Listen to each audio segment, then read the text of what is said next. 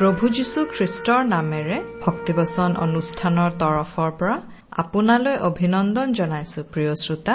আজিৰে পবিত্ৰ ক্ষণতে উজলি উঠা খ্ৰীষ্টৰ জ্যোতি। জীৱনৰ ঘাট প্ৰতিঘাতবোৰে আপোনাক ভাৰাক্ৰান্ত কৰিছে নেকি? জীৱনৰ জটিলতাবোৰৰ ভাৰত আপুনি দিশহাৰা হৈছে নেকি? প্ৰিয় শ্ৰোতা তেন্তে আপুনি এই অনুষ্ঠানটি শেষলৈকে মনোযোগেৰে শুনিব। প্ৰভু যীশুৰ বাণীয়ে নিশ্চয় আজি কঢ়িয়াই আনিব আপোনাৰ জীৱনলৈ এক নতুন ছন্দ। দিশহাৰা জীৱনক এক সঠিক দিশ প্ৰদৰ্শন কৰিবলৈ এয়া আপোনালৈ আগবঢ়াইছো পবিত্ৰ বাইবেল শাস্ত্ৰৰ শিক্ষামূলক অনুষ্ঠান ভক্তিবচন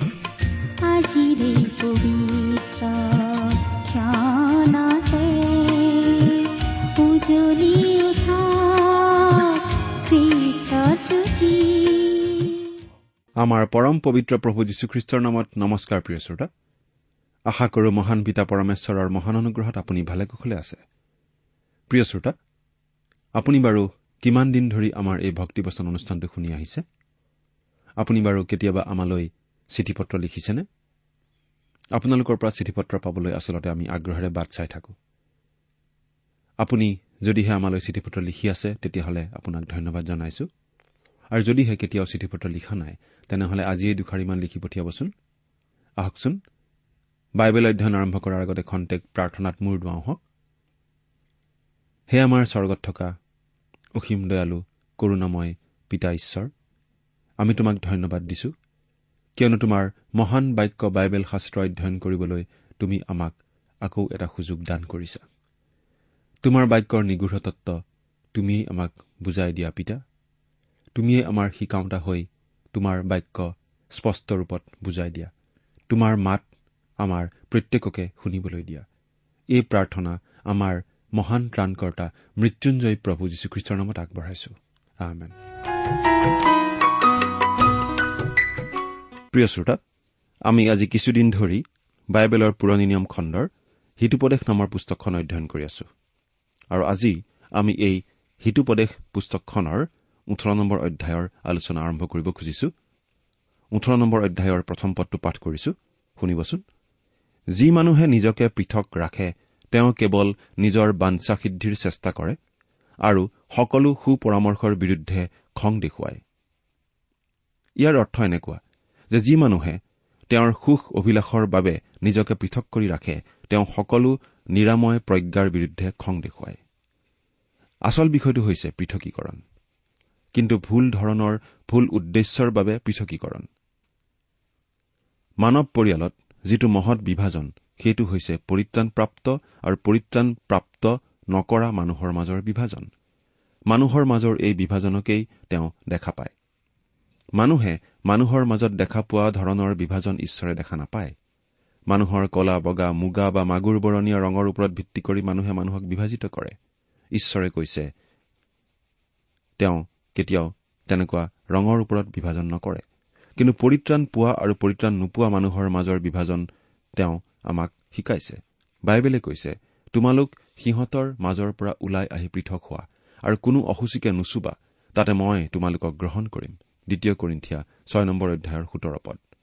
ঈশ্বৰে এইটো অতি স্পষ্ট কৰি দিছে যে যিবিলাক লোক অসুচী সেই লোকবিলাকৰ মাজৰ পৰা তেওঁৰ লোকবিলাক পৃথক হ'ব লাগে। তেওঁ ইয়াত বিশেষকৈ ভুৱা বিশ্বাসৰ পৰা পৃথক হোৱা অনৈতিক কাৰ্যবিলাকৰ পৰা পৃথক হোৱা ইত্যাদি কথাবোৰ তেওঁ জোৰ দি কৈছে। পৃথকীকৰণত গুৰুত্ব আৰোপ কৰা আন এটা দল আছে। এওঁলোক অৱশ্যে পৰিত্ৰাণ নোপোৱা লোকৰ মাজত পৰে। এই পদটোৱে তেওঁলোকৰ কথাকেই কৈছে। তেওঁলোকে নিজৰ সুখ অভিলাষ সিদ্ধ কৰাৰ উদ্দেশ্যেৰে নিজকে সত্যৰ পৰা পৃথক কৰে। যীহুদাই এওঁলোকক বিশ্বাসৰ পৰা খহি পৰা লোক হিচাপে অভিহিত কৰিছে। যীহুদা পত্ৰত এওঁলোকৰ ক্ষেত্ৰত এনে বুলি কোৱা হৈছে তেওঁলোক দল ভেদকাৰী ইন্দ্ৰিয়াসক্ত আৰু আত্মাবিহীন যীহুদা ঊনৈশ নম্বৰ পদ। আচলতে এওঁলোক বিশ্বাসৰ পৰা খহি পৰা আৰু পৰিত্ৰাণ জলাঞ্জলি দিয়া লোক। এওঁলোক স্ব ইচ্ছাই সত্যৰ পৰা আঁতৰি যোৱা লোক। এওঁলোকে পৃথিৱীত বিষ গুটি সিঁচে মানুহক কেনা লগাই অনৈতিকতালৈ গতি কৰোৱায়। অজ্ঞান লোকে বিবেচনাত সন্তোষ নাপায় কেৱল নিজ মনৰ কথা প্ৰকাশ কৰিবলৈহে ভাল পায়। তাৰ মানে এই ধাৰণা কিনো বিবেচনা চিবেচনা কৰি থাকিব লাগিছে? কবলগীয়া মনৰ কথা আছে ভল ভলকৈ কৈ যোৱা। এনে ধাৰণাৰ মানুহবিলাকে কথা কৈ লোৱাৰ পাছত প্ৰায়ে অনুশোচনাৰ ভাৱেৰে কবলগীয়া হয়। নভবা নিচিন্তাকৈ যে কথাষাৰ কিয় কৈ পেলালো? মানুহজনে কিমান যে বেয়া পাই গৈছে কিজানি? সেই বুলিয়েই চিন্তাত মাজনিশা পৰ্যন্ত শুব নোৱাৰাকৈ চটপট কৰি থাকে। এই বিষয়ত কাকনো বুলিম ককা নিজৰেই দাড়ি চুলি পকা বুলি আমি বহুত সময়ত কবলগীয়া হয় নহয়নে বাৰু? এতিয়া তিনি নম্বৰ পদটো পঢ়িছো। যলৈ দুষ্ট আহে তালৈ নিন্দাও আহে আৰু অপমানৰ লগত দুৰ্নামো আহে। দুই শ্ৰেণীৰ মানুহ আছে আৰু তেওঁলোক বিপৰীত আচৰণ ধৰ্মী লোক। কিন্তু আচৰিত কথা দুই শ্ৰেণীয়ে শান্তি স্থাপন কৰে। এশ্ৰেণী হৈছে সাধু লোক। তেওঁলোক আহিলে শান্তি স্থাপন হয়। আৰু আনটো হৈছে দুষ্ট লোক। তেওঁলোক গুচি গলে শান্তি স্থাপন হয়। কাৰণ দুষ্ট যেতিয়া ঘূৰি যায় তেতিয়া তেওঁলোকে তেওঁলোকৰ লগতে নিন্দা অপমান আৰু দুৰ্নাম সকলো ঘূৰাই লৈ যায়। পদ। মানুহৰ মুখৰ কথা গভীৰ জলৰ নিচিনা। প্ৰজ্ঞাৰ ভুমুক বৈ থকা জুৰিৰ নিচিনা। প্ৰভু যীশুখ্ৰীষ্টত বিশ্বাস স্থাপন কৰা প্ৰত্যেক বিশ্বাসকাৰীয়ে পবিত্ৰ আত্মাৰ দ্বাৰাই মোহৰ মৰা হোৱা লোক। ইফিচিয়া এক অধ্যায় তেৰ পদত আমি এই কথা পাওঁ। সেইটো প্ৰত্যেক বিশ্বাসকাৰীয়ে জনা প্ৰয়োজন। পঁজা পৰ্বৰ সময়ত যেতিয়া পানী ঢালি দিয়া হৈছিল তেতিয়া প্ৰভু যীশুখ্ৰীষ্ট মন্দিৰত থিয় হৈ চাই আছিল আৰু তাৰ পাছত কৈছিল কোনো মানুহৰ যদি পিয়াহ লাগে তেওঁ মোৰ ওচৰলৈ আহি পাণ কৰক। যিকোনোৱে মোত বিশ্বাস কৰে শাস্ত্ৰে কোৱাৰ দৰে তেওঁৰ ভিতৰৰ পৰা জীৱনময় পানীৰ নৈবোৰ ওলাই বৈ যাব। জোহন সাত অধ্যায় সাতত্ৰিশ আৰু আঠত্ৰিশ পদ। তাৰ পাছতেই ইয়াৰ মানেটোনো কি সেইটো জোহনে পুনৰ বুজাই দি কৈছে। তেওঁত বিশ্বাস কৰাবিলাকে যে আত্মা পাব তাৰ অৰ্থে তেওঁ এই কথা কলে। কিয়নো তেতিয়ালৈকে আত্মা দিয়া হোৱা নাছিল কাৰণ তেতিয়ালৈকে যীশু মহিমান্বিত হোৱা নাই। জোহন সাত অধ্যায় ঊনচল্লিছ পদ। হয় আমি যিমানবিলাকে প্ৰভু যীশুখ্ৰীষ্টত বিশ্বাস কৰিছো সেই সকলো বিশ্বাসকাৰীয়েই পবিত্ৰ আত্মা লাভ কৰিছো। সেয়ে আমি আটাইয়ে পবিত্ৰ আত্মাৰ শক্তিৰে কথা কবলৈ শিকিব লাগে। ঈশ্বৰৰ বচন প্ৰচাৰ কৰা আৰু ঈশ্বৰৰ সম্বন্ধে কথা কোৱাত ই বৰ প্ৰয়োজনীয় কথা। পবিত্ৰ আত্মাৰ শক্তিৰ অবিহনে জানো পবিত্ৰ ঈশ্বৰ আৰু তেওঁৰ পবিত্ৰ বচন ক'ব পৰা যায়? এই কথা প্ৰায় প্ৰচাৰকসকলেই কিন্তু মনত নাৰাখে। এইটো আমাৰ সকলোৰে বাবে আচলতে এটা সতৰ্কবাণী। কাৰণ পবিত্ৰ আত্মাৰ শক্তিৰ অবিহনে হাজাৰ শিক্ষা দিলেও আম্মিক আশীৰ্বাদৰ মুখ দেখা পোৱা নাযায়। পাঁচ নম্বৰ পদ দুষ্টৰ মুখ চোৱা আৰু বিচাৰত ধাৰ্মিকক অন্যায় কৰা ভাল নহয়। কিন্তু আজিৰ দিনত জানো দুষ্টৰ মুখ নোচোৱাকৈ ধাৰ্মিকক ন্যায় বিচাৰ দিয়া হৈছে। দুষ্ট বা ধাৰ্মিকতাৰ ভিত্তিত হোৱা হলেতো বিচাৰবোৰ ন্যায় বিচাৰেই হলহেঁতেন। কিন্তু আজিকালি ক্ষমতা টকা আনকি বাহুবলৰ ভিত্তিতো বিচাৰ চলিছে। এইটো নিশ্চয় বৰ বেয়া কথা নহয়নে বাৰু? ছয় নম্বৰ পদৰ পৰা আঠ নম্বৰ পদলৈকে পাঠ কৰিম। অজ্ঞানৰ ওঠে বিবাদ লগত লৈ আহে আৰু তাৰ মুখে মোক মাৰ মাৰ বুলি কয়। অজ্ঞানৰ মুখে তাৰ সৰ্বনাশ আৰু তাৰ ওঠ তাৰ প্ৰাণৰ ফানস্বৰূপ। পৰচৰ্চাকাৰীৰ কথা সুস্বাদু আহাৰস্বৰূপ সেয়ে পেটৰ ভিতৰলৈকে সোমাই যায়। বিবাদ লগত লৈ ফুৰা মোক মাৰ মাৰ বোলা মানুহ আপুনি দেখিছেনে প্ৰিয় শ্ৰোতা? আমি হলে দেখিছো। বিবাদ লগোৱাৰ পাছত কয় মোৰ গাত হাত দেচোন এবাৰ হাত দিছাচোন। তাৰ মানে মোক মাৰচোন। এনেকুৱা ধৰণৰ মানুহ আমি চাৰিওফালে দেখো। আৰু এই মানুহবোৰে আচলতে চাৰিওফালে কণ্ডল লগাই ফুৰে। মূৰ্খ বা অজ্ঞানীৰ মুখেই তাৰ সৰ্বনাশ। ইয়াৰ অভিজ্ঞতা মূৰ্খ মানুহবিলাকে নিজে জানে। লাজ অপমান পোৱাৰ আৰু মাৰ কিল খোৱাৰ উপৰিও বহু অভিজ্ঞতা তেওঁলোকৰ থাকে। কিন্তু প্ৰভু যীশুখ্ৰীষ্টই আমাক মানা কৰি কৈছে যে আমি আচলতে কাকো মূৰ্খ বুলিব নালাগে মুঠি পাঁচ অধ্যায় বাইছ পদত এই কথা আমি পাওঁ। কাৰণ তাকে কোৱাৰ অধিকাৰ আচলতে আমাৰ নাই। কাৰণ আমাৰ মাজৰ কোননো ভাল? মই মূৰ্খ নহ'ব পাৰো কিন্তু কিজানি বেবিচাৰী? বেবিচাৰী নহ'ব পাৰো কিন্তু কিজানি ৰাইজৰ ধন আত্মসাতকাৰী? মূৰ্খ বেবিচাৰী আৰু সমাজৰ ধন আত্মসাতকাৰীসকলে ঈশ্বৰৰ দৃষ্টিত আচলতে সকলো একেই। ঈশ্বৰে মূৰ্খক মূৰ্খ বুলিব পাৰে বেবিচাৰীক বেবিচাৰী ধনলোভীক ধনলোভী বুলিব পাৰে। সেই অধিকাৰ তেওঁৰ আছে। কিয়? কাৰণ মূৰ্খ বেবিচাৰী আৰু ধনলোভী সকলোকে তেওঁ জানে যে তেওঁলোক তেনেকুৱাই। দ্বিতীয়তে তেওঁ নিজে মূৰ্খ বেবিচাৰী আৰু ধনলোভী নহয়। কোনো পাপ তেওঁত নাই। তেওঁ সম্পূৰ্ণ নিষ্পাপ নিষ্কলংক পবিত্ৰ আৰু ধাৰ্মিক। প্ৰিয় শ্ৰোতা পৰচৰ্চা কৰা এই বদ গুণটোৰ কথা এই হিতুপদেশত বৰকৈ চৰ্চা কৰা হৈছে। উপদেশকে আমাক জনাব খুজিছে যে এই বদ গুণটো সমাজত বৰ প্ৰচলিত যাৰ ফলত সমাজত বৰ অশান্তি হয়। বহু ভাল লোক ভাঙি যায় নিৰাশ হয় আৰু কোনো কোনো বিদ্ৰোহী হৈ উঠে। আপুনি নিশ্চয় আপোনাৰ জীৱনত কেতিয়াবা নহয় কেতিয়াবা ইয়াৰ বেয়া ফলটো লাভ কৰিছে? যদি কৰা নাই নিশ্চয় আমি কেতিয়াবা নহয় কেতিয়াবা ইয়াৰ ফল ভোগ কৰো। পৰচৰ্চাই আমাৰ বহুতৰে জীৱনত বেয়া ধৰণে প্ৰভাৱ পেলায়। আমি মনত অশান্তি পাওঁ। মৌ মাখিৰ কথা আপুনি জানে নিশ্চয় প্ৰিয় শ্ৰোতা? মৌ মাখিয়ে মৌ ৰস উৎপন্ন কৰে।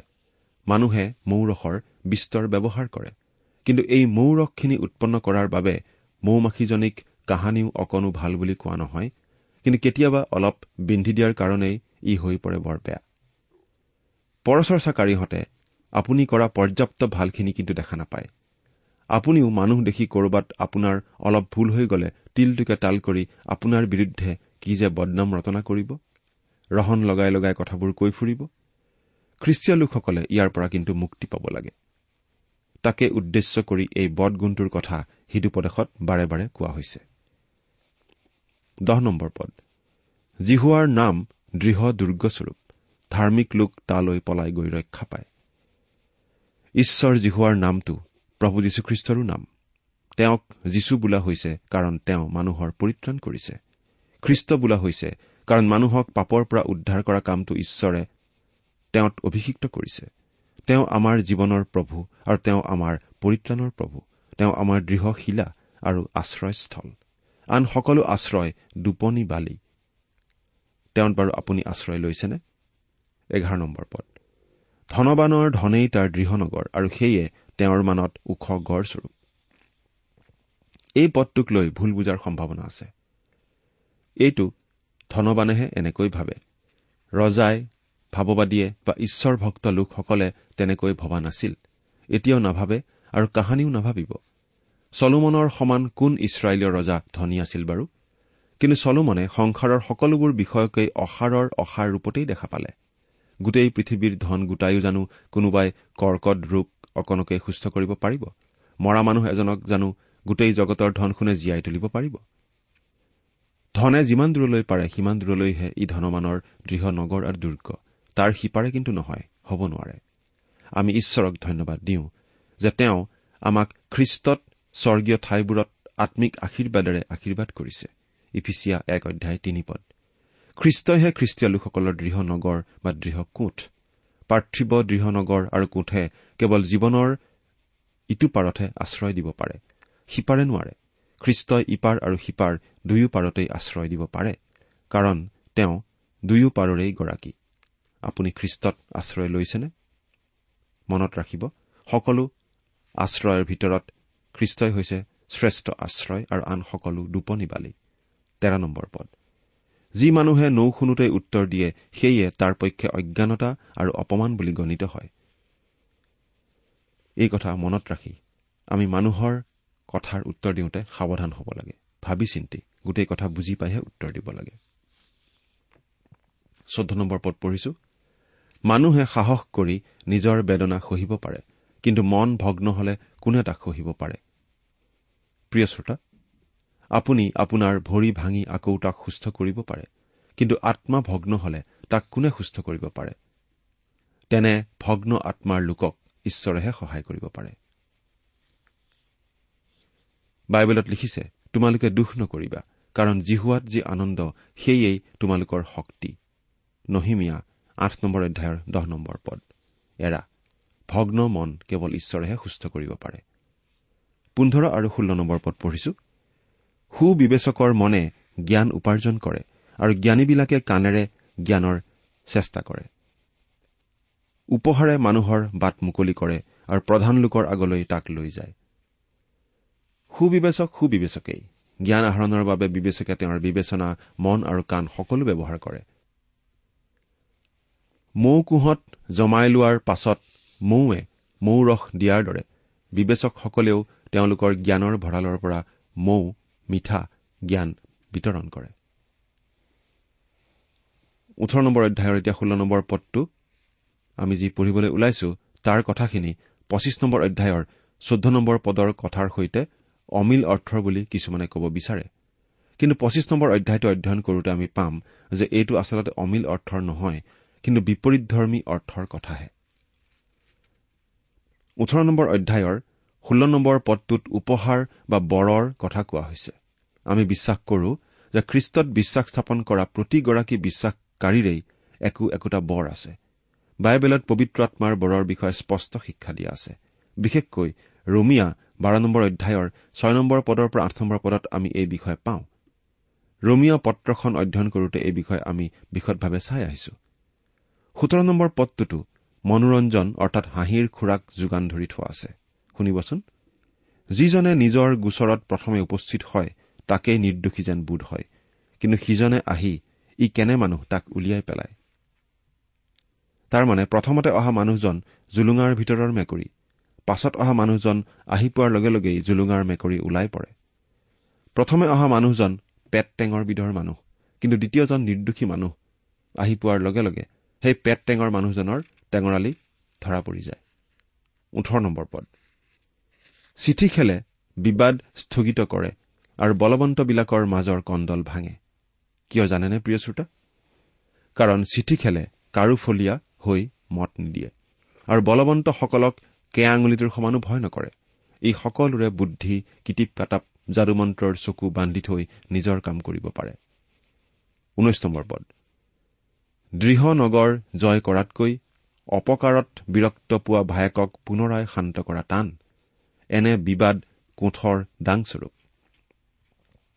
কাৰণ দৃঢ় নগৰ জয় কৰিবলৈ অস্ত্ৰ শস্ত্ৰ আৰু শক্তি থাকিলেই সেয়া সম্ভৱ হয়। কিন্তু অপকাৰত বিৰক্ত পোৱা ভায়েকক সান্তনা দিবলৈ কোনো অস্ত্ৰও নাই আৰু শক্তিও নাই। অন্তৰৰ বিৰক্ত চূৰ্ণ বিচূৰ্ণ কৰিব পাৰে কেৱল ঈশ্বৰৰ বচনে। কিন্তু বিৰক্তি পোৱাজনে ঈশ্বৰৰ বচনক আহান কৰিব লাগিব। মনুষ্যই নিজৰ পেট নিজৰ মুখৰ ফলেৰে পৰিপূৰ্ণ কৰে আৰু তেওঁ নিজ ওঠৰ উপাৰ্জনেৰে পৰিতৃপ্ত হয়। চমু কথাত মানুহে কথাৰেই তাৰ পেটটো চলায়। একৈশ নম্বৰ পদ। মৰণ আৰু জীৱন জীৱাৰ অধীন। আৰু যিবিলাকে তাক ভাল পায় তেওঁবিলাকে তাৰ ফল ভোগ কৰিব। মৰণ আৰু জীৱন জীৱাৰ অধীন। ভাবি চাওক প্ৰিয় শ্ৰোতা। শুভবাৰ্তা প্ৰচাৰ কৰাত আপুনি আপোনাৰ জীৱা ব্যৱহাৰ কৰিব পাৰে আৰু সেই শুভবাৰ্তাই মানুহক জীৱন দিব। আৰু সেইদৰেই জীৱন জীৱাৰ অধীন। কিন্তু এই জীৱাকেই এনেবোৰ কথা কবলৈ ব্যৱহাৰ কৰিব পাৰি যিবোৰ কথাই মানুহক ঈশ্বৰৰ ওচৰৰ পৰা আঁতৰাই লৈ যাব আৰু সেইদৰেই আঁতৰি যোৱা মানুহ মৃত্যুৰ ভাগি হ'ব। সৰু জীৱা কিন্তু কি সাংঘাতিক। মৰণ আৰু জীৱনক এই জীৱাই নিজৰ হাতৰ মুঠিত ৰাখিছে। সেয়ে বাইবেলে জীৱাৰ বিষয়ে সঠিক শিক্ষা দাঙি ধৰিছে। বিশেষকৈ জাকুবৰ পত্ৰৰ তিনি নম্বৰ অধ্যায়ত এই জীৱাৰ সঠিক শিক্ষা দিয়া হৈছে। এতিয়া বাইশ নম্বৰ পদটো পাঠ কৰি দিব খুজিছো।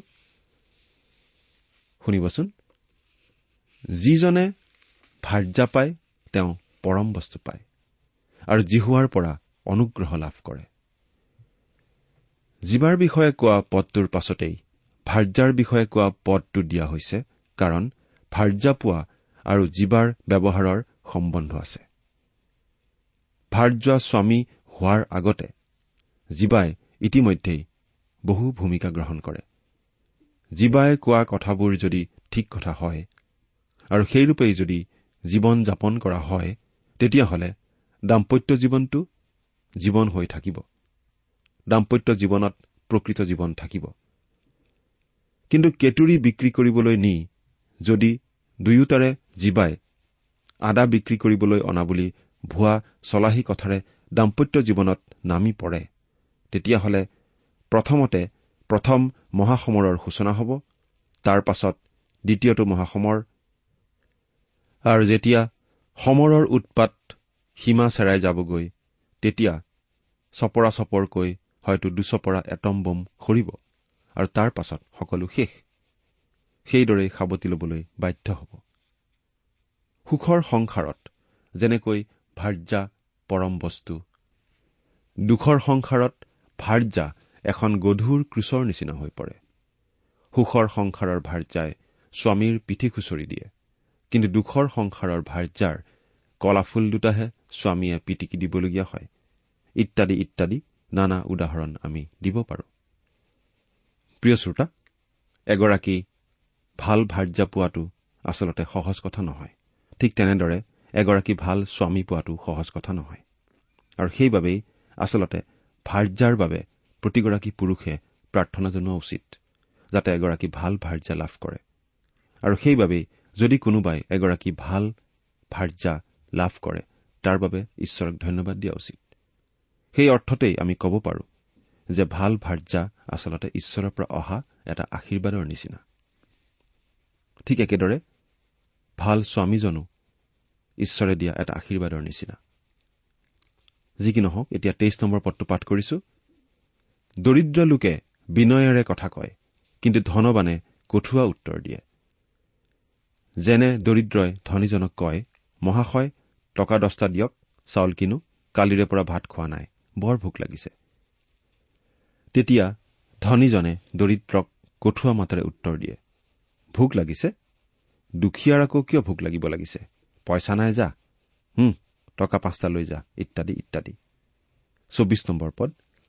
যিজনে অনেকৰ লগত বন্ধুতা কৰে তেওঁ নিজ সৰ্বনাশলৈহে তাকে কৰে। তথাপি ভায়েকতকৈও অতি প্ৰেমাসক্ত কোনো বন্ধু আছে। প্ৰিয় শ্ৰোতা আপুনি যদি বন্ধু পাবলৈ বিচাৰে তেন্তে আপুনি নিজে বন্ধুত্বপূৰ্ণ ভাৱ দেখুৱাওক। কিন্তু বহু বন্ধুৰ লগত বন্ধুতা কৰাটো বৰ ভাল ব্যৱস্থা নহয়।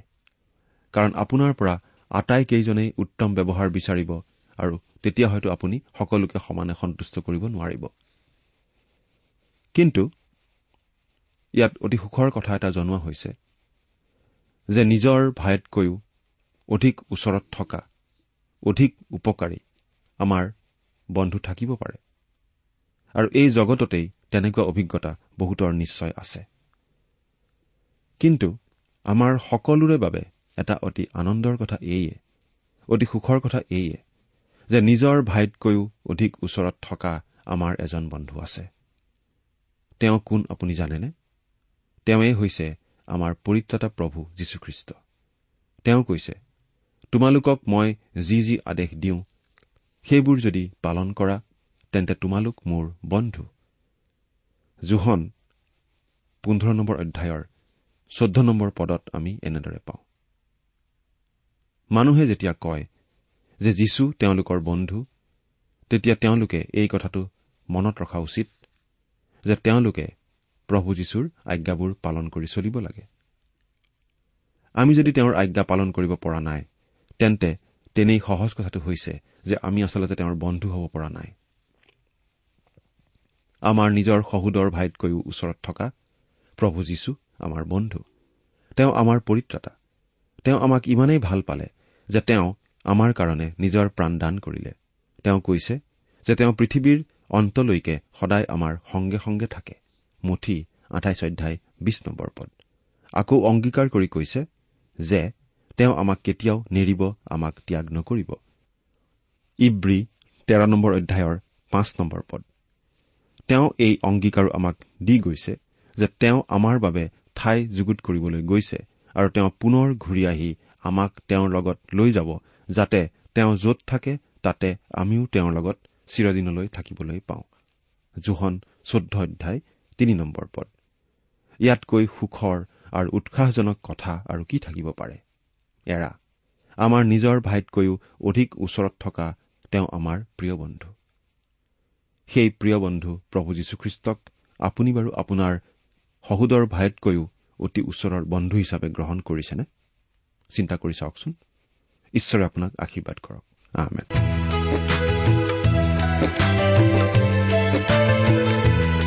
প্ৰিয় শ্ৰোতা ইমান পৰে আপুনি বাইবেল শাস্ত্ৰৰ পৰা ঈশ্বৰৰ বাক্য শুনিলে এই বিষয়ে আপোনাৰ মতামত জানিবলৈ পালে আমি নথৈ আনন্দিত হ'ম।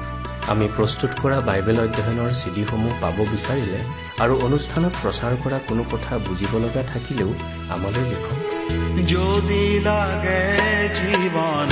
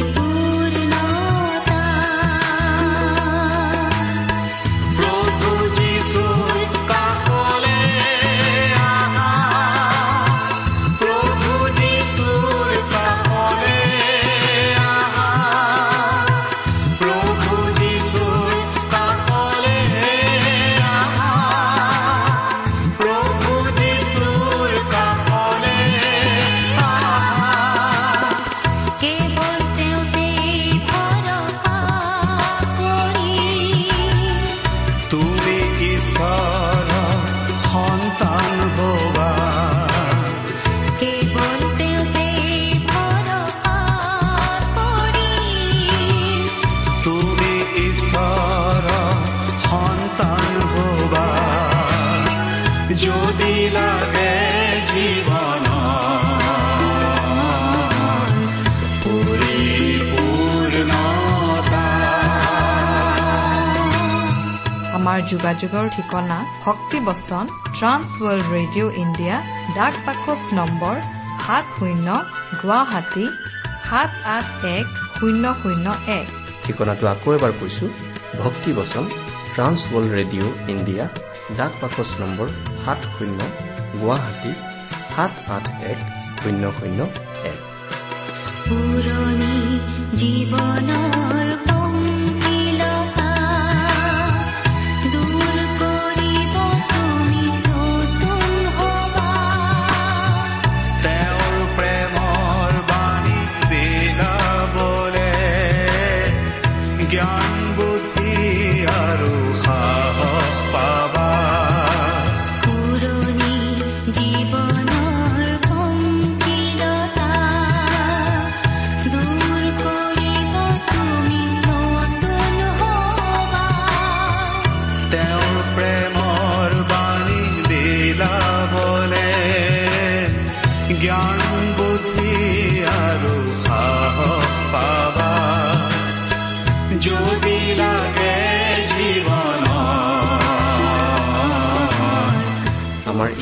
এড্ৰেছটো হৈছে Assamese T TV at the rate radio' eight eight two dot com আমাৰ website W W W dot T W R dot in আপুনি টেলিফোনৰ মাধ্যমেৰেও আমাক যোগাযোগ কৰিব পাৰে।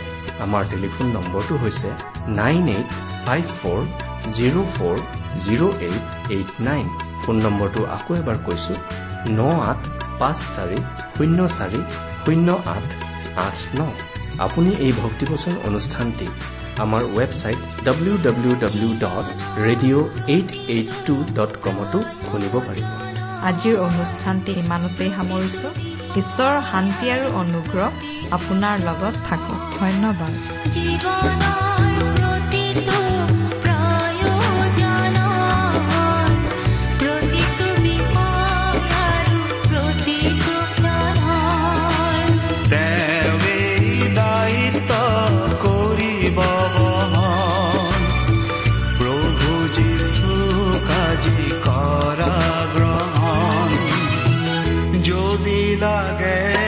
அறிவாய்